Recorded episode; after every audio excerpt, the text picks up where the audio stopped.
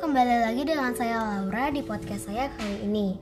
Hari ini saya akan menceritakan dongeng yang berjudul Cinta Laras.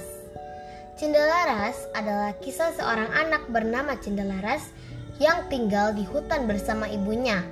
Ibunya adalah seorang permaisuri yang diusir karena difitnah telah mencuri selir dan tabib kerajaan Jenggala.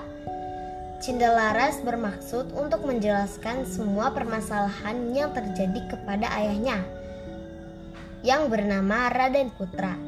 Namun itu sangat sudah untuk dilakukan. Ayam jago milik Cindelaras yang bisa berkokok unik berhasil mengalahkan semua para penyabu ayam di kerajaan itu. Kukurio! Raja Jenggala penasaran mengintan hulu balang untuk mengatur pertandingan. Cendelaras meminta syarat jika kalah dia bersedia dipancung kepalanya dan jika jika menang dia minta setengah kekayaan Raden Putra.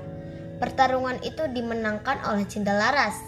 Kemudian dia menceritakan duduk berpermasalahannya dan dibantu oleh patih kerajaan yang menolong ibunya dahulu. Akhirnya selir itu pun diberikan diberikan hukuman yang setimpal oleh Raden Putra. Raja segera memerintahkan prajurit untuk menjemput permaisuri di hutan. Itu dia cerita dari Cinta Laras. Saya mempunyai beberapa pesan moral dari dongeng Cinderelas. Cinderelas. Jangan mudah percaya kepada hal yang belum pasti kebenarannya yang kedua, hindari diri dari sikap iri karena sikap iri hanya akan melahirkan kejahatan.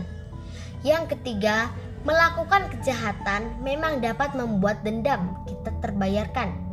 Namun suatu saat kejahatan itu pasti akan ada balasannya. Yang terakhir, jangan suka bertaruh atau berjudi karena kegiatan tersebut hanya akan membuat kita jatuh ke dalam keterpurukan. Itu dia dongeng dari Laras dan berbagai pesan moralnya. Terima kasih.